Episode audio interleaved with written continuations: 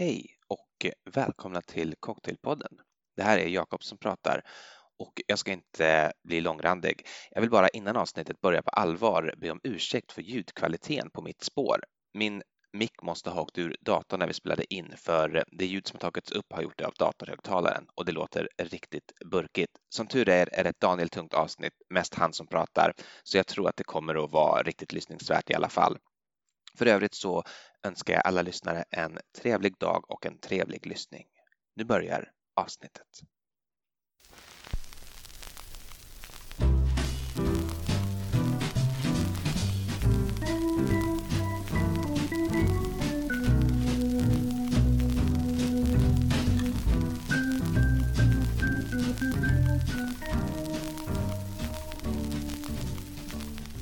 Välkomna till Cocktailpodden. Jag heter Daniel. Och jag heter Jakob. Hej Jakob. Hej Daniel, hur är det med dig? Jo tack, det är bra. Eh, alldeles, alldeles utmärkt. Ja, vad härligt. Du ser, jag tänkte säga det precis. Du ser, eh, du ser frisk och kry. Du ser också ovanligt eh, glad ut. Mm. Eh, för att vara en sån här onsdagkväll som det ju brukar vara när vi spelar in. Eh, jag tänkte börja med att fråga dig om du har druckit någonting spännande på sista tiden som du vill berätta för lyssnarna om?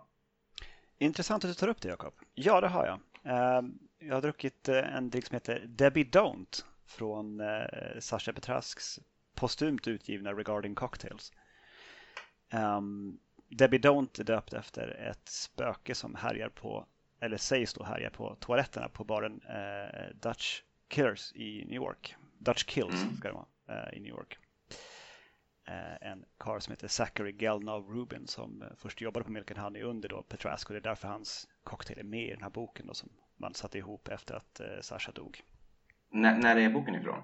Den är från förra eller förra, förra året. Okej, okay. ja, det är en sån nya. Ja. Vansinnigt stilig bok i en sån mörk lila färg och sen så är drinkarna illustrerade med eh, någon slags alltså, diagramliknande historia. Att varje sprit och annan ingrediens har ett eget litet tecken. Och sen så har man stiliserat glas och sen så ser man olika lager med de här eh, tecknen som olika fält. Som illustrerar hur, hur drinken ser ut. Nu vet jag vilken det är för den har jag bläddrat i hemma hos dig. Eh, väldigt vacker, väldigt trevlig. Mm, fantastiskt kul. Så att, eh, Debbie Don't det är eh, Tequila Reposado, alltså eh, åldrad tequila och eh, Amara Verna citronjuice och lönnsirap. Väldigt tillfredsställande cocktail. Mm. Inte så vacker dock. Den är så lite Coca-Cola-färgad, liksom, lite mörkbrun. det är Avernan som blir så. Averna är ju svårt att få på något annat sätt, men eh, det, lå det, låter, det låter uppfriskande och lite så här örtigt, kryddigt. Mm. Och sen eh, efter eh, bittersavsnittet så skaffade vi en flaska med, eh, med Aperol, vilket vi inte har haft hemma förut. Och så har vi börjat mm. experimentera med det. Och eh, så kom Emily på en, en variant. För hon gillar inte Campari. Det är egentligen inte riktigt jag heller. Ännu i alla fall. Jag har inte riktigt kommit dit än. Det kommer. ja, antagligen. Till slut så sitter jag liksom där och dricker bara Campari som det. Helst ljummen. bara stopp och väx. Precis. Så att en, en, en Jungle Bird är ju ehm, eh, det är rom, eh, Campari, limejuice, eh, sockersirap och ananasjuice. Men man, byter man ut Camparin så har ens Jungle Bird blivit en, en Jungle Chicken istället. För att man är lite feg och inte ah, klarar av sin... Så det Kom ihåg vad du hörde det först. och det var, det, var, det var här först jag hörde både om Jungle Bird och Jungle Chicken. Så Jaså? Nej, men Jungle Bird var en av dem jag drack på, på Nightjar sist för det. Ja, var det? Okej. Okay. Den som ja, kom då... i en, en jättestor plåtkyckling, alltså en plåtfågel mm. av något slag. Jo, jag kommer kom ihåg... Um, det var sent på kvällen, så då hade jag ingenting emot Camparen heller. Det, Nej, det gick alldeles utmärkt. Ja, men vad fint. Då har ni hittat ett sätt att förbättra Jungle Bird då, helt enkelt. För, för er åtminstone. Ja, men nu kommer vi att testa alla cocktails som har eh, Campari i sig med Aperol istället och se och ger ett nytt försök. Liksom. Så kanske vi kan arbeta oss upp därifrån och ha lika delar Campari och Aperol till slut. Och till sakta väga över liksom. Och sen sitter vi där och äter, äter stopp och väx. Liksom. Just det. Det är väl så man kan lära sig dricka gin då också, tänker jag. Kanske om man inte tycker om det via dry martini, att man börjar med en väldigt blöt och sen så gör man en torrare och torrare och till slut så är det här Churchill-receptet där man ska eh, introducera ginflaskan för en, en martini men aldrig hälla något i och så vidare och så vidare. Det har vi pratat om massa gånger. Mm. Jag kan tänka mig att det sammanfaller i och för sig samma person. Personer som inte gillar gin gillar heller inte vermouth. Nej, det, är, det, det är inte samma dryck, men det, jag, tror, jag tänker mig att det är samma typ av person som inte gillar det. Det är sant, det är jättesvårt att tänka sig att eh, när jag tänker efter att någon liksom säger nej men inget in tack. Ja men testa det här, det är en uh, wet martini. Hoho! Gud vad gott. Eh, nej det har du rätt i, såklart. Men eh, har du druckit någonting kul sen sista gången? Jag har, jag har inte gjort det tyvärr. Men eh, jag har, eh, jag har inhandlat någonting som jag tycker är ganska kul. Eh, som jag tänkte berätta om istället. Nämligen en flaska Agricol Och Agricol är ju någonting som jag knappt vet vad det är. Men det var väl för ett år sedan, i förra sommaren tror jag, som du bjöd på det hemma hos dig i Göteborg. Och eh, jag tänkte, jag tänkte, kan inte du berätta lite grann om Agricol och den här ganska speciella riten som, eh, som eh, ingår när man dricker denna dryck? Ja visst, det kan jag. Alltså, rom, vanlig rom som man pratar liksom om, rom, rom, rom, eh, görs på, på melass som är en, en biprodukt när man tillverkar socker. Mm. Så man hade sockerplantage för att eh, socker var svindyrt i Europa och eh, i, i Amerika eh, då när man kom igång med det här 16-1700-tal någonting. Och det växte väldigt bra i Karibien så man odlade sockerrör där. Eh, då fick man jättemycket melass över eh, som blev kvar på plantagen och eh, för att använda den på något vis så lät man den jäsa och sen brände man sprit på det. Det är, och det är rom, ja, enkelt. Mm. Men på grund av lite politiska förvecklingar, antagligen lite krig och liknande, så kunde eh, franska kolonier under en tid inte sälja sitt socker till, till USA. Eller till de engelska kolonierna helt enkelt. Och eh, då eh, slutade man göra socker av sockerrören och eh, gick direkt till sprittillverkningen istället för det var en vara som man faktiskt kunde sälja. Det var ett sockerembargo på något vis. Så då gjorde man rom direkt på jästa sockerrörssafter. Så inte på melassen då.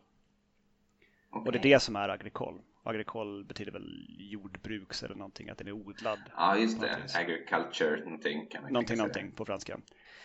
Um, och det finns ju eh, som många andra franska uh, uh, produkter så finns det ju specifika regler för hur det ska göras på rätt sätt. Just det. Är, det, är det en ung eller en gammal agricol du har skaffat dig? Den är, ja, den är väl gammal. Jag kan hålla upp den med webcamen här så kan du se hur den ser ut. Mm. Ja, den är, den är ju brun så att, hade det varit en ung så hade den varit helt genomskinlig som, som vodka. Okej. Okay. Men de är, det som är kännetecknande för dem är att de är, man får en gräsighet och örtighet från att det kommer eh, från gräs. Då, liksom. en, en roms karaktär består ju mer av hur, hur den är bränd i och med att melass är melass. Liksom. Du får inte mm. Du får ingen eh, en interroir som du kan få i, på, påstås i alla fall få i vin eh, i, eh, i en rom gjord på melass. Just det, det skulle man, jag, jag tycker att liksom det här tillverkningsproceduren skulle antyda att Agricole är en lyxigare produkt generellt än rom, men det vet jag inte riktigt om det stämmer. Eller i det varken, varken, varken om det är godare eller, eller om det liksom har högre status. Idag är ju socker så pass billigt att det blir liksom ingen alternativkostnad till att göra sprit på det direkt tror jag. Nej, jag bara tänker att om lassen blir över när man ändå gör socker jämfört med att göra det. Ja, men strunt, strunt samma. Eh, det var bara en liten bipass. Men, men det här, hur, hur, man, hur dricker man agricole då? Jo, alltså på franska kolonierna så dricker man den som en, en tea punch som är kort för petit punch.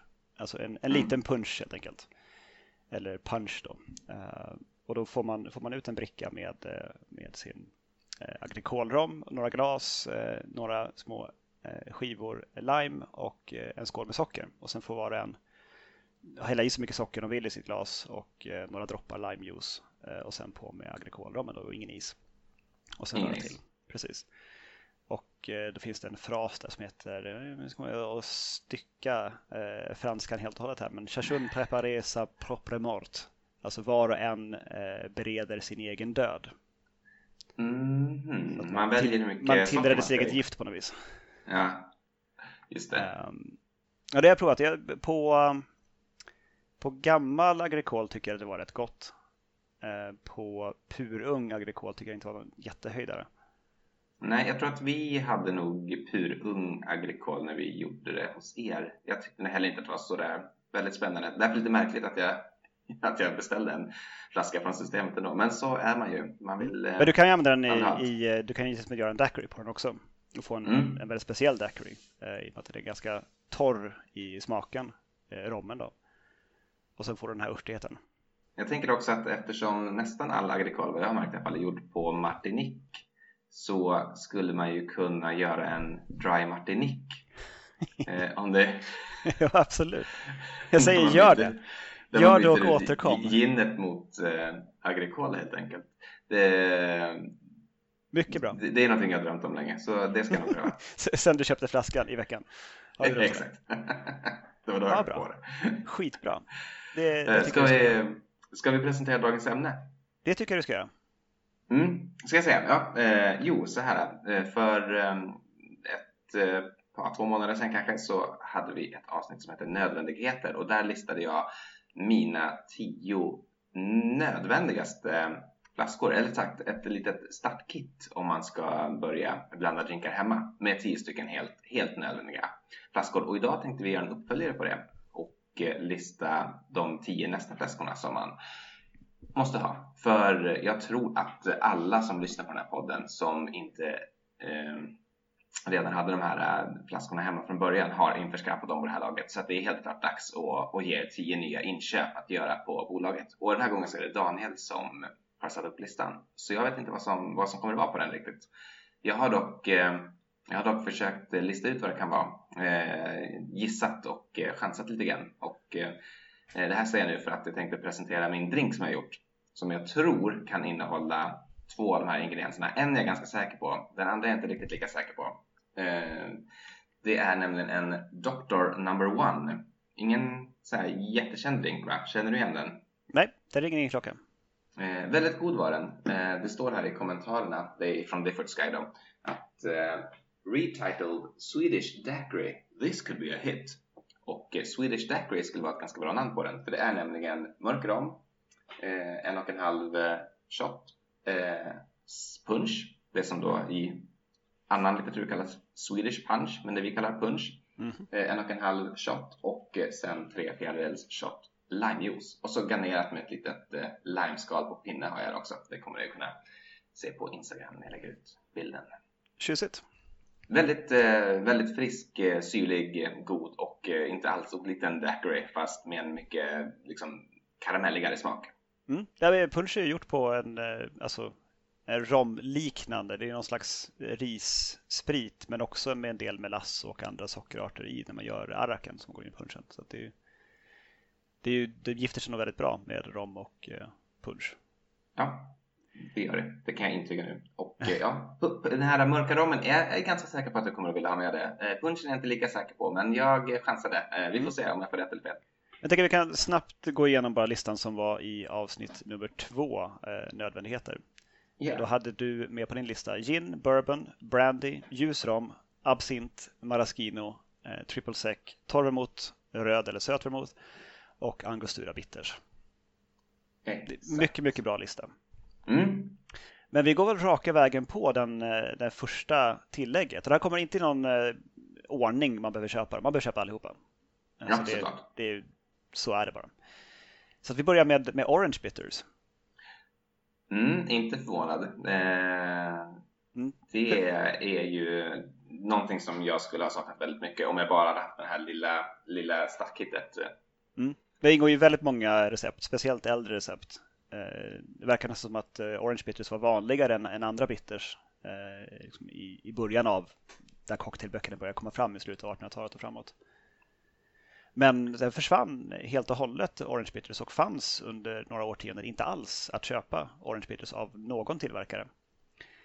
Um, finns några desperata bloggar från alltså internets gryning uh, där folk liksom letar då efter Orange Bitters för man hittar gamla recept. Och jag tänker i den här eh, Lost Spirits and Forgotten Cocktails eh, som väl kom ut sent 90-tal, tidigt 2000-tal någonstans där. Ja, någonstans där. där har de ju precis fått fram en, den första Orange Bitter som kom ut på marknaden, Regans Number 6 Orange Bitters. Som är den Orange Bitter som, som jag har hemma idag. Mm. Och sen, jag har ju Angostura då. Mm, den kom ut vanligaste. några år senare, men också är vanligare och lättare att få tag i. Mm. Eh, också väldigt god. Sen finns det en av Bitter Truth också, en tysk bitterstillverkare. Eh, eller ja, sprit och bitters och andra blanddrycker och likörer. Eh, Bitter Truth, de har en Orange Bitter och massa andra bitters också på Systembolaget i beställningssortimentet. Just det. Jag har faktiskt en till Orange Bitter. Eh, jag tror att de heta Fee Brothers eller något sånt där. Det är något brittiskt företag. Jag är inte riktigt säker på. Jag har inte använt det på många år. Jag bara kom på det nu. Smakar väldigt annorlunda från Angostura i alla fall. Mm. Ja, men de, de, de, går ju aldrig ut i datum så att man kan ju ha dem. De är ju stabila i och med att det är så, de är sprit, eh, mm. spritinnehåll på 40 procent eller något sånt. Um, förekommer faktiskt i de första recepten på Dry Martini så ska man ha Orange Bitters med. Och jag har provat eh, både med och utan eh, Orange Bitters och jag föredrar det absolut med. Ja, det gör jag med. Jag har, eh, visste inte att det var i de första recepten, men jag, jag föredrar med båda. Alltså ha, ha en stänk av bägge sorter. Mm. Och sen passar det väldigt bra också i en, i en margarita. Och egentligen, alltså bara testa liksom. Och många barer eh, har liksom sina house bitters. Och det är inte ovanligt att de house bittersarna är en blandning av lika delar orange bitters och angostura bitters. Så man bara slagit ihop dem och så det är House Bitters. så jäkla... Väldigt lurigt. Eh, det var nummer ett. Eh, inga, ja. inga, du opponerar inte? Nej, verkligen inte. Eh, jag måste ju höra hela listan egentligen innan jag kan säga om jag vill byta ut någon. Men jag har mycket svårt att tänka mig att jag skulle välja bort Orange Bitters i en 11 till 20 lista. Mm. Då slår vi till med Rye Whiskey. Eller okay. Rye för kort. Mm. Kusinen till bourbon. Bourbon är den vanligaste amerikanska whiskyn i, i dagsläget. Men fram till förbudstiden så var rye eh, i särklass det vanligaste som, som brändes och dracks i USA. Och eh, en rye whisky ska innehålla 51, minst 51 procent eh, råg eh, och bourbon mm. är minst 51 procent majs då, så det är ju det som är skillnaden. Eh, upplevs ofta som lite torrare och mindre söt eh, än bourbonen då. Mm. Ganska uh, pepp, pepprig och lite mintig kan jag tycka. Mm. Alltså lite så örtig, kryddig på något vis. Eh, tycker mm. jag också. Eh, alls inte oangenämt. Eh, och det skulle jag föreslå att man, man, man skaffar sig en flaska av och sen så tar man alla cocktails man har gjort på bourbon och så testar man dem på rye istället. Speciellt äldre recept eh, då just ryen var vanligare. Just det. Eh, ja, jag tycker det är, det är inte alls kontroversiellt. Eh, jag är inte säker på om jag skulle ha det. Vi får se vad som kommer mer. För anledningen till att jag då kanske eventuellt skulle välja någonting annat det är ju att eh, i de flesta recept där rye eh, då påbjuds så går det ju att använda bourbon också. Det blir inte eh, det blir någonting annat men det blir sällan dåligt i alla fall. eh, så... Jo, nej, men nu är vi inne på liksom på nivå två. Ja, du har rätt. Så vi, vi, får se som sagt. Men eh, ja, jag är ändå jag är nöjd. Väldigt nöjd hittills. Mm, så bra. Då rullar vi vidare. Eh, lagrad rom. A.k.a. mörk rom. Alltså det, man har ju länge beskrivit rom enbart på färgen. Ungefär som, liksom, typ, som svenska såser. Liksom. En brun sås. Hur smakar den? Ja, den smakar brunt. Och hur smakar den rom? Den är mörk. Så att, men en, en lagrad... Ja, lagrad rom kan ju vara ljus också. Eh, eller ljus rom kan ju vara lagrad. Ja, precis. Och det, då har man ju filtrerat bort färgen efteråt. Eh, det finns många exempel på det och de flesta ljusa romer har någon tid eh, i lagring. Eh, de enklare i ståltunna eller ståltankar men många också i, i, i ekfat. Då. Men varför, varför filtrerar man bort den färgen? Alltså? estetiskt. Det är bara det? Ja, alltså en, en daiquiri gjord på en mörk rom blir ju mörkare och lite mindre tjusig. Mm. Ja, den ser lite ut som en avokado som har varit ute eh, liksom ur sitt skal för länge. Mm, ungefär så. Um, så Mount Gay Eclipse eller Black Barrel finns på, eh, ofta på flygplatser men det finns också i beställningssortimentet. Båda från eh, det är, det är Barbados där och sen så Dorlys finns också, det är från Barbados, finns också på stenbolag. Off, lite oftare på hyllan faktiskt än i beställningssortimentet. Man kan kan, kan hitta den. Det har en papegoja på etiketten. Um, Eldorado, uh, den är nog från Guyana tror jag. Och sen Appleton gör flera olika varianter och de är från Jamaica. Då. Jamaica. Så det är lite olika, olika smak på dem. Jamaica-rom är ju traditionellt lite mera kraftfulla i smaken. Lite mer romrussin. Exakt, jag tänkte se som referens där. Det är verkligen romrussin. Mm. Att, Plantation eh, tänker jag är väl ett eh, destilleri som du har talat varmt om tidigare också. Mm, de gör väldigt mycket. Deras eh, grej är att de, de tar rommer från flera olika öar och, och länder i, i Karibien och även på fastlandet i Sydamerika. Och sen så tar de dem till en andra lagring på konjakfat i Frankrike. Och sen buteljerar de. Så de är... Okej, så de, de bränner alltså inte själva utan de, de förädlar? Mm, det ska inte svara med 100% säkerhet på. De kan också ha ett bränneri någonstans men deras grej är för att de, de tar redan lagrade romsorter och eh, lagrar, blandar ihop dem och, eh, lagrar dem en gång till. All right. Så de, de, har gjort väldigt många roliga saker, bland annat eh, Stiggins Fancy Pineapple Rum som är alltså mm. med, med ananas smaksatt eh, eh, rom som David Wondrich varit med och ta, tagit fram då. Jaha, vansinnigt, det, vansinnigt god. Ja, den är fantastisk. Um, så att, ja, det finns jättemycket man kan göra med, med mörkrom. Uh, så Rum Manhattan, Old Fashions, uh, i en hel del alltså tiki-inspirerade drinkar och sånt så krävs det ju mörkrom. Sen uh, har jag lagt till en, en rökig skotte. Okej. Okay. jag brukar i det syftet använda Kaolilla, 12-årig, för liksom en inte, inte överjävlig röksmak men ändå en tydlig att den finns med liksom. Mm. Uh, för en hel del klassiska cocktails. Blood and Sand nämnde vi i film av uh, snittet av podden. Uh, Rob Roy är klassiskt. Rusty Nail är vansinnigt klassiskt på rökig whisky. Och det är väl det är rökig whisky och Drambuie som är en whiskylikör. Just det, lika delar va? Och byggt på is. Ja, precis. Lika delar känns som att det skulle bli väldigt sött, men det är nog det som är ursprungsreceptet tror jag. Um, penicillin, också det från Milk and Honey. Det är 16-årig Lagavulin, ingefärslikör, honung och citron i en cocktail. Fantastiskt bra cocktail. Precis. Och sen så har jag och Emily vår, vår vita val. Uh, det är en cocktail som vi drack på Aku Aku som är eh, Tiki-baren i Oslo i Grünerlöcka. Då när vi bodde där. Som är framtagen av en av bartendrarna på Aku Aku. Och mm. uh, den heter Smokey Robinson. Och eh, givetvis är det hemligt recept. Eh, det är någonting väldigt rökigt, en rökig whisky i den och mm. någonting annat rökigt. Och sen så är det lite fruktjuicer och sötningar och sånt där. Och vi var där en gång och vi trodde att vi fick receptet av honom. För att det var där tidigt och han var typ lite trött och liksom sådär. Ja men jag kan väl berätta då. Ja. Och sen så tog jag så här, skrev upp det i telefonen och sen nu då för någon månad sedan skulle vi bara, men vi ska testa det receptet vi fick på Aku. Så nu, nu kör vi liksom, äntligen kan vi göra den själva det var inget komplett recept. så att det, det, det dög inte liksom. Det, det, saknades någonting i det för det var, inte, det var absolut inte samma. Så att vi får fortsätta prova oss fram liksom och hitta något sätt att göra det på. Men var det att han eh, glömde tror du eller var det rent lur? Det här var också, alltså vi hade suttit ett litet tag.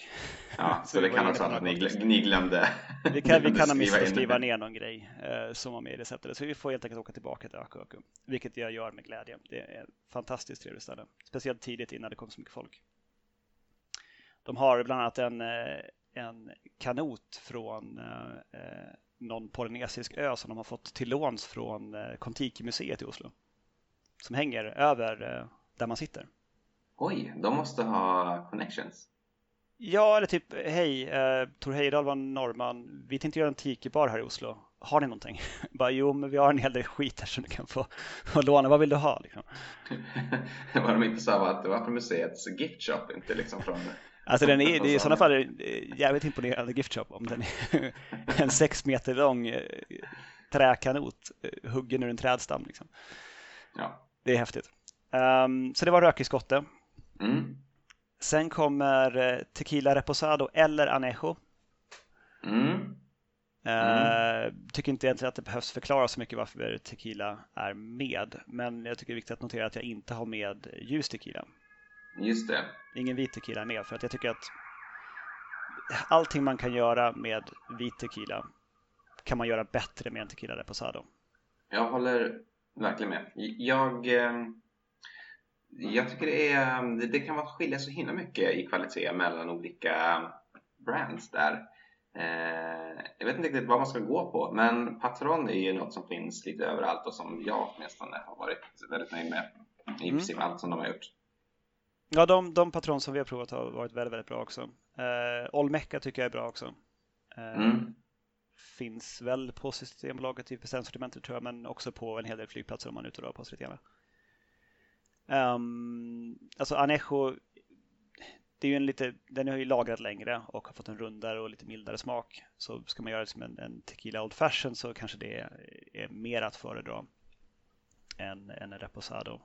Men eh, den är också väldigt, väldigt mycket dyrare. Alltså det är ju dubbla priset i många fall för en Anejo än mot en Reposado. Ja, det är sånt som skiljer. Jag tycker ju jag tycker oftast att jag nästan föredrar en Reposado. Jag håller med i en, i en eh, Tequila Old Fashion så skulle jag nog vilja ha en Anejo också. Men eh, generellt så jag, jag, skulle säga då kanske inte minst på grund av kostnadskalkylen att eh, kanske, kanske att man tar en Reposado innan man tar en Anejo. Eller? Mm, det tycker jag man ska göra. För alltså det, det, Patrons Anejo kostar ju 700 spänn eller någonting i Amsterdam. Mm. Jag har inte ens kollat på vad den kostar på Systembolaget. Det, det, det är något liknande. Det, det, är, okay, det, det är inte så farligt. Alltså det är, för sig, på dyrare spritsorter brukar det inte vara så stor skillnad mellan Systembolaget och, eh, och andra eh, länders priser. Men i alla fall ett, ett varningens finger att eh, Reposado och Anejo ska inte förväxlas med eh, eh Gold Tequila. Eh, vanligtvis sålt med en, en härlig plasthatt. Eller motsvarande. Men vad är gold? Vet gold tequila, det är alltså, man har ju silver och gold tequila. Eh, det är ja. ett, ungefär som att man beskriver rom som ljus och mörk. Liksom. Just det. Men man får försiktig där och se det som att står det gold tequila får man kolla noga på etiketten och se att, att det faktiskt är lagrad så att det inte är vit tequila med färgämne bara, vilket inte är ovanligt.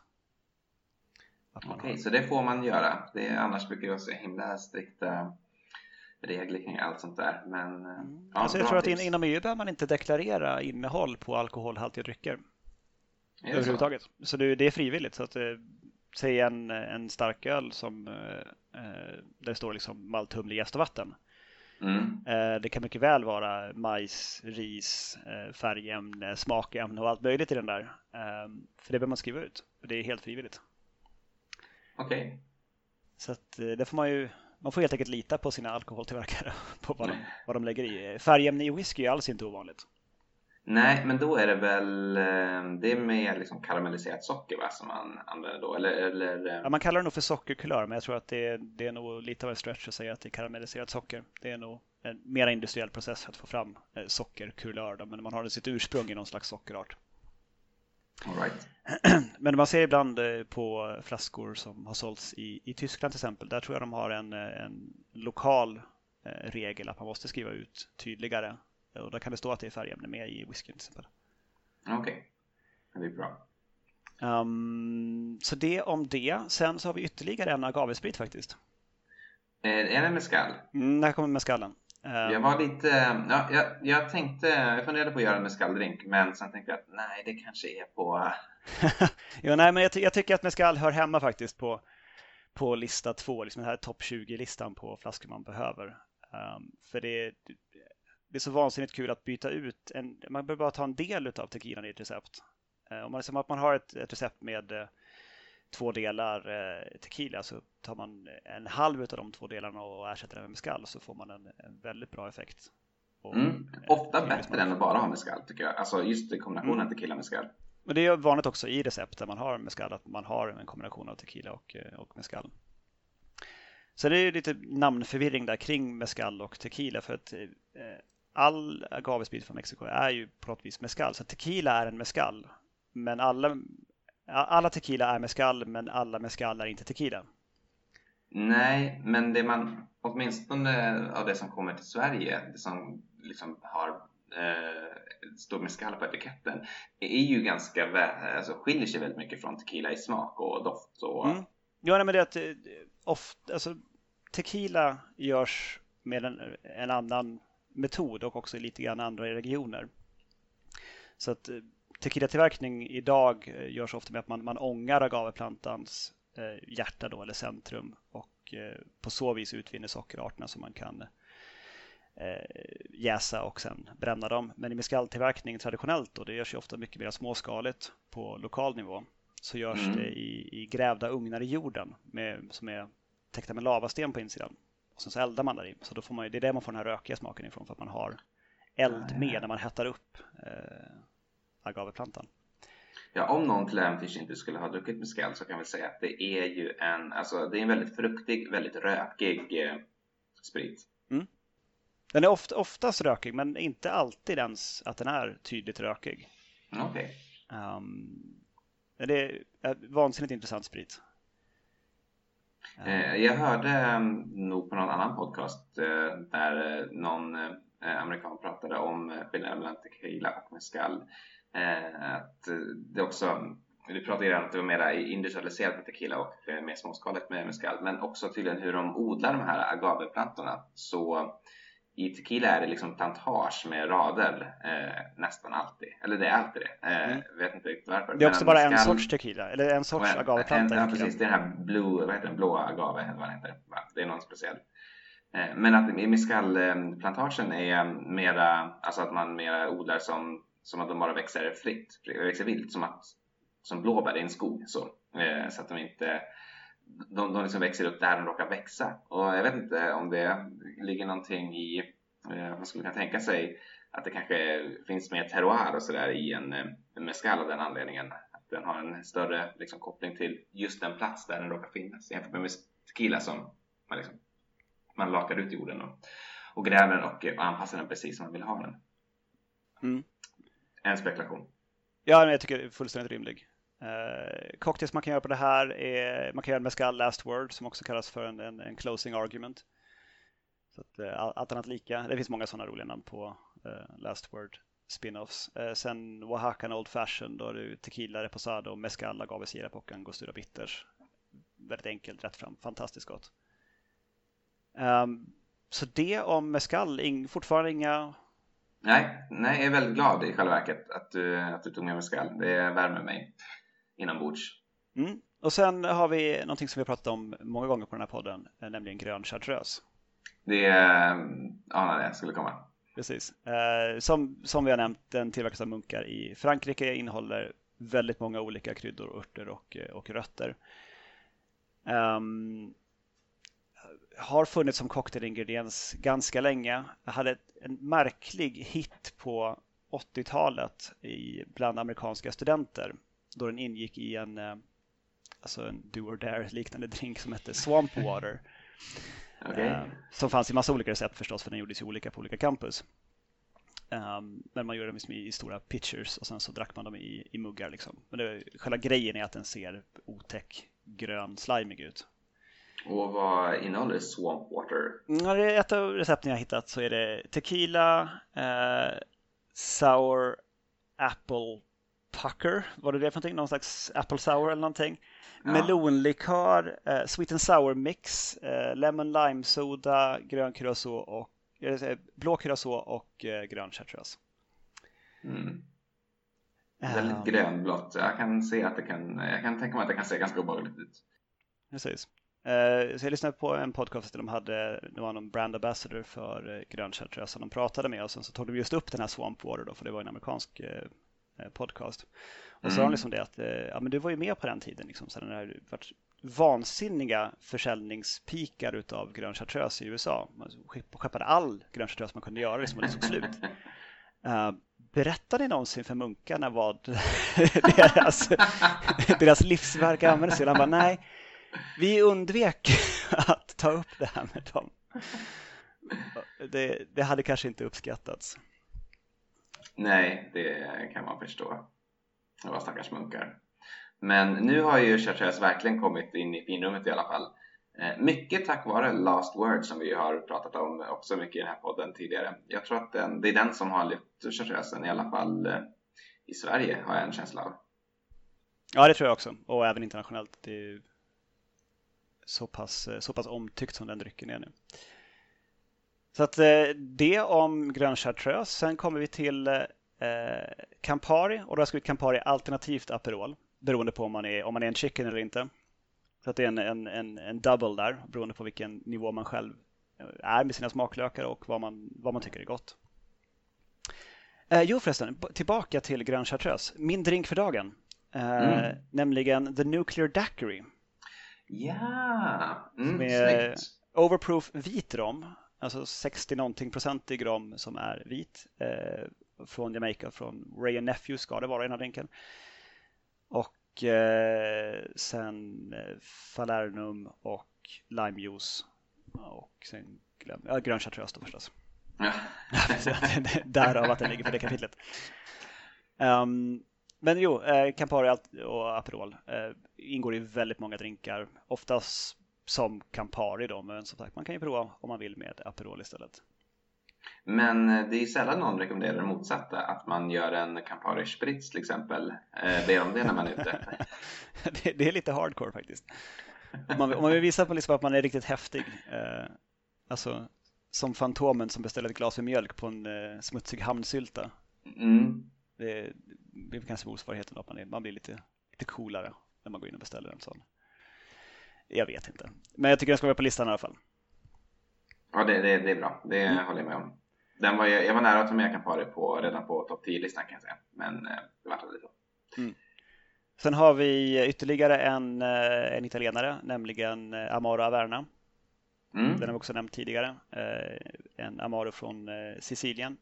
Ganska söt. Det finns en, en, en beska där i ändå som balanserar det hela.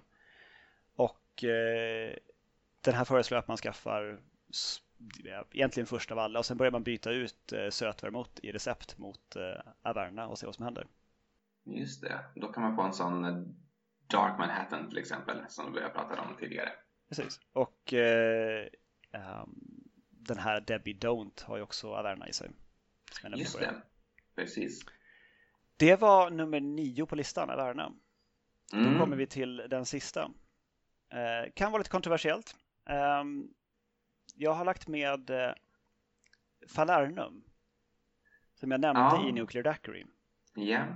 Eh, så det är en, en söt likör, ganska alkoholsvag. Eh, smak av nejlikor, kryddpeppar och lime och säkert lite annat också där i. Men det är det som, som framträder.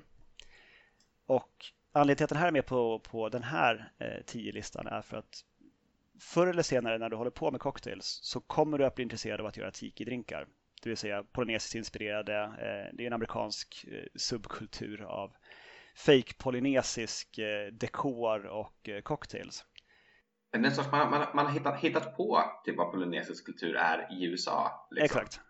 Det, det, här är det vi tror att det var och därför så, så är det så. Och så har man liksom byggt eh, hela barer kring det här temat då på eh, 30 40-talet och sen så tynade det liksom bort under 60, 70, 80-talet och nu har det kommit tillbaka igen då. Men du kommer att bli intresserad av att göra det här någon gång. Eh, du började liksom med att göra Old Fashion som Manhattan, så så långt är allting lugnt och fint. Men sen står du där och blandar en drink med 12 ingredienser, varav det är flera olika sorters rom. Resten är svårköpta ingredienser eller hemmagjorda saker där du inte kan köpa det.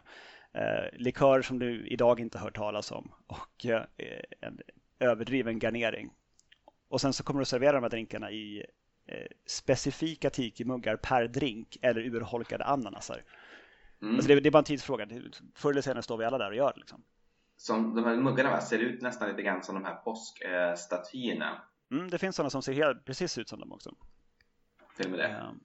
Men i alla fall när den dagen kommer när du står där liksom och känner att ja, jag vill göra tikidrinkar. Och du ringer dina föräldrar och berättar att hej, mamma och pappa, jag, jag vill göra tikidrinkar. Eh, då vill du ha falernum hemma. Ja, för det, det, kommer, det kan ta ett tag att få tag på, så det är lika bra att vara beredd när, när lusten eh, väl börjar visa sig. Mm. Fram tills för några år sedan var det väldigt svårt, men nu finns faktiskt Bitter Truths uh, Golden Falernum på Systembolagets uh, beställningssortiment. Har du prövat den? Uh, jag har inte prövat den, jag har den hemma, men jag har fortfarande kvar av min uh, Taylors Velvet Falernum som ah, jag okay. tidigare. Så att den står och, och väntar på att den här flaskan som jag har ska ta slut. När du väl öppnar den så tror jag att både jag och eh, lyssnarna gärna vill ha en recension. Mm. Vi, vi kommer nog eh, dit inom allt för långt. Det är sommar nu så att tikrinkar är ju... Eh, det, är inte... det ligger i korten. Precis. Så att eh, en del drinkar man kan göra som inte nödvändigtvis är som eh. Corn and Oil eh, Då är det två delar rom, en halvdel Falernum och sen Angostura Bitters. Så det är ju som en, eh, ganska söt Old Fashioned på rom med Falernum istället för sockersirap. Då. Eh, Nuclear Daiquiri som jag nämnde tidigare. eh, Chartreuse Whistle, då har du Chartreuse, Falernum, ananas och lime. Uh, I Don the Beachcombers recept av Mai Tai, det finns ju flera olika recept. Uh, Trader Vicks och Don the Beachcombers är väl de som länge har slagits historiskt sett om vem det var som uppfann drinken. Och det har bråkats om detta. Och vem sida är du på då? Ja, man kom ju fram till sen då eh, via David Wondrich att eh, det nog antagligen var Trader Vic som faktiskt kom på den. Eh, även om Don the Beachcomber hade en annan cocktail som hade samma eller liknande ingredienser mm. men som hette någonting annat. Så att det kan ha varit att Trader Vic besökte Don the Beachcomber, listade ut vad den här drinken hette och gav den ett annat namn. Men då har han faktiskt ja, uppfunnit Mai Taien och det är som Mai Tai den har blivit känd i världen. Uh, och Testpilot är en klassisk gammal eh, tiki-drink. Det är gammal rom, ljusrom, triple sec, lime juice och falernum. Så så ser min lista ut. Um, falernum är väl den som, ja, man, liksom, jag tycker man ska ha den och man kommer någon gång att vilja ha den. Mm. Eh, jag förstår hur du tänker. Jag hade nog inte haft med Palernum. Jag, jag äger faktiskt inte ens Palernum. Jag har tänkt eh, ibland att jag ska beställa just den här Bitter Truths från eh, eh beställningssortimentet men eh, har inte blivit av. Jag kanske hade eh, jag kanske hade haft en annan åsikt om jag hade fallit dit än, får jag väl säga då. För uppenbarligen så är det bara en tidsfråga innan Tikina sätter, sätter klona även i mig. Men eh, väldigt bra lista i, på det hela taget.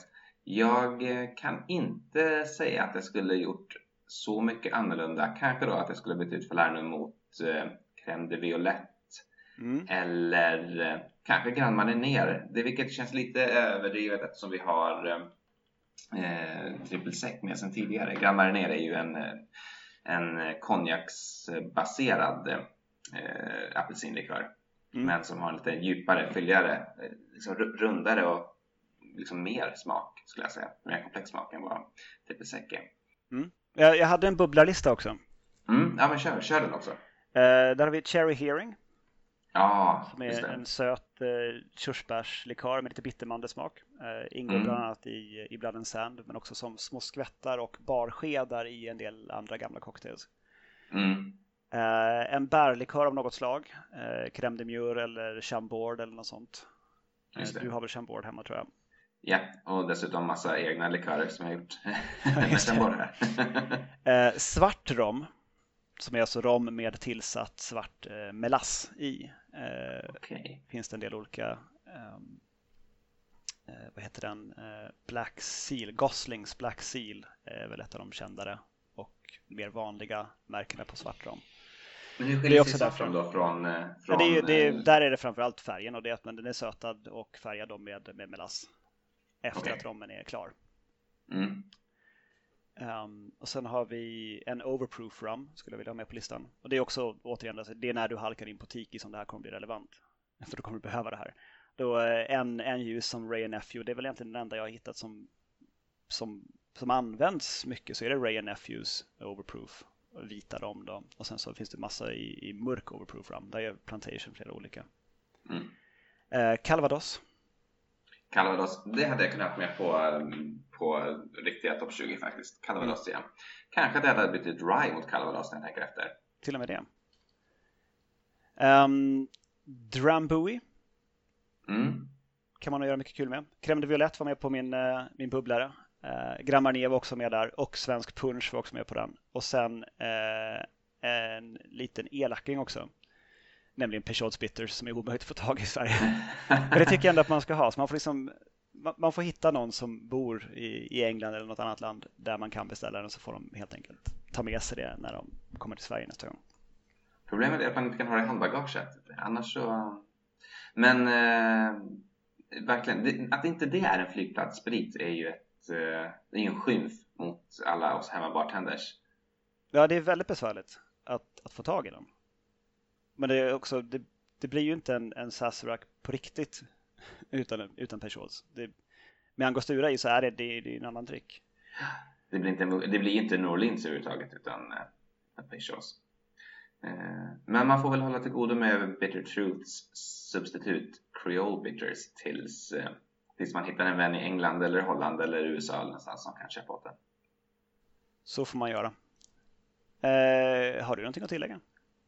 Jag tycker att eh, det här har varit ett eh, perfekt avvägt avsnitt och jag har ingenting att tillägga.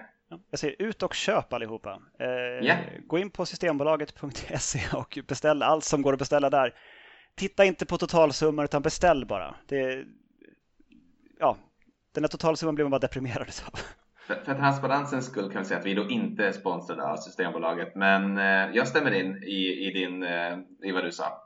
Mm. Och håll också ögonen öppna när ni är ute och reser. Eh, speciellt om ni reser med incheckat bagage och eh, kan botanisera i eh, eh spritbutiker. Eh, inte i, bara i flygplatserna då utan även på plats i de länder ni besöker. Och plocka på er eh, det som verkar intressant. Here, here. Mycket bra. Jag är nöjd. Skål och tack för ikväll. Skål! Vi finns på Cocktailpodden på Instagram och på Facebook och på Twitter. Och, Just det, och också via på Gmail då, cocktailpodden.gmail.com. Skål och hej! Hej hej!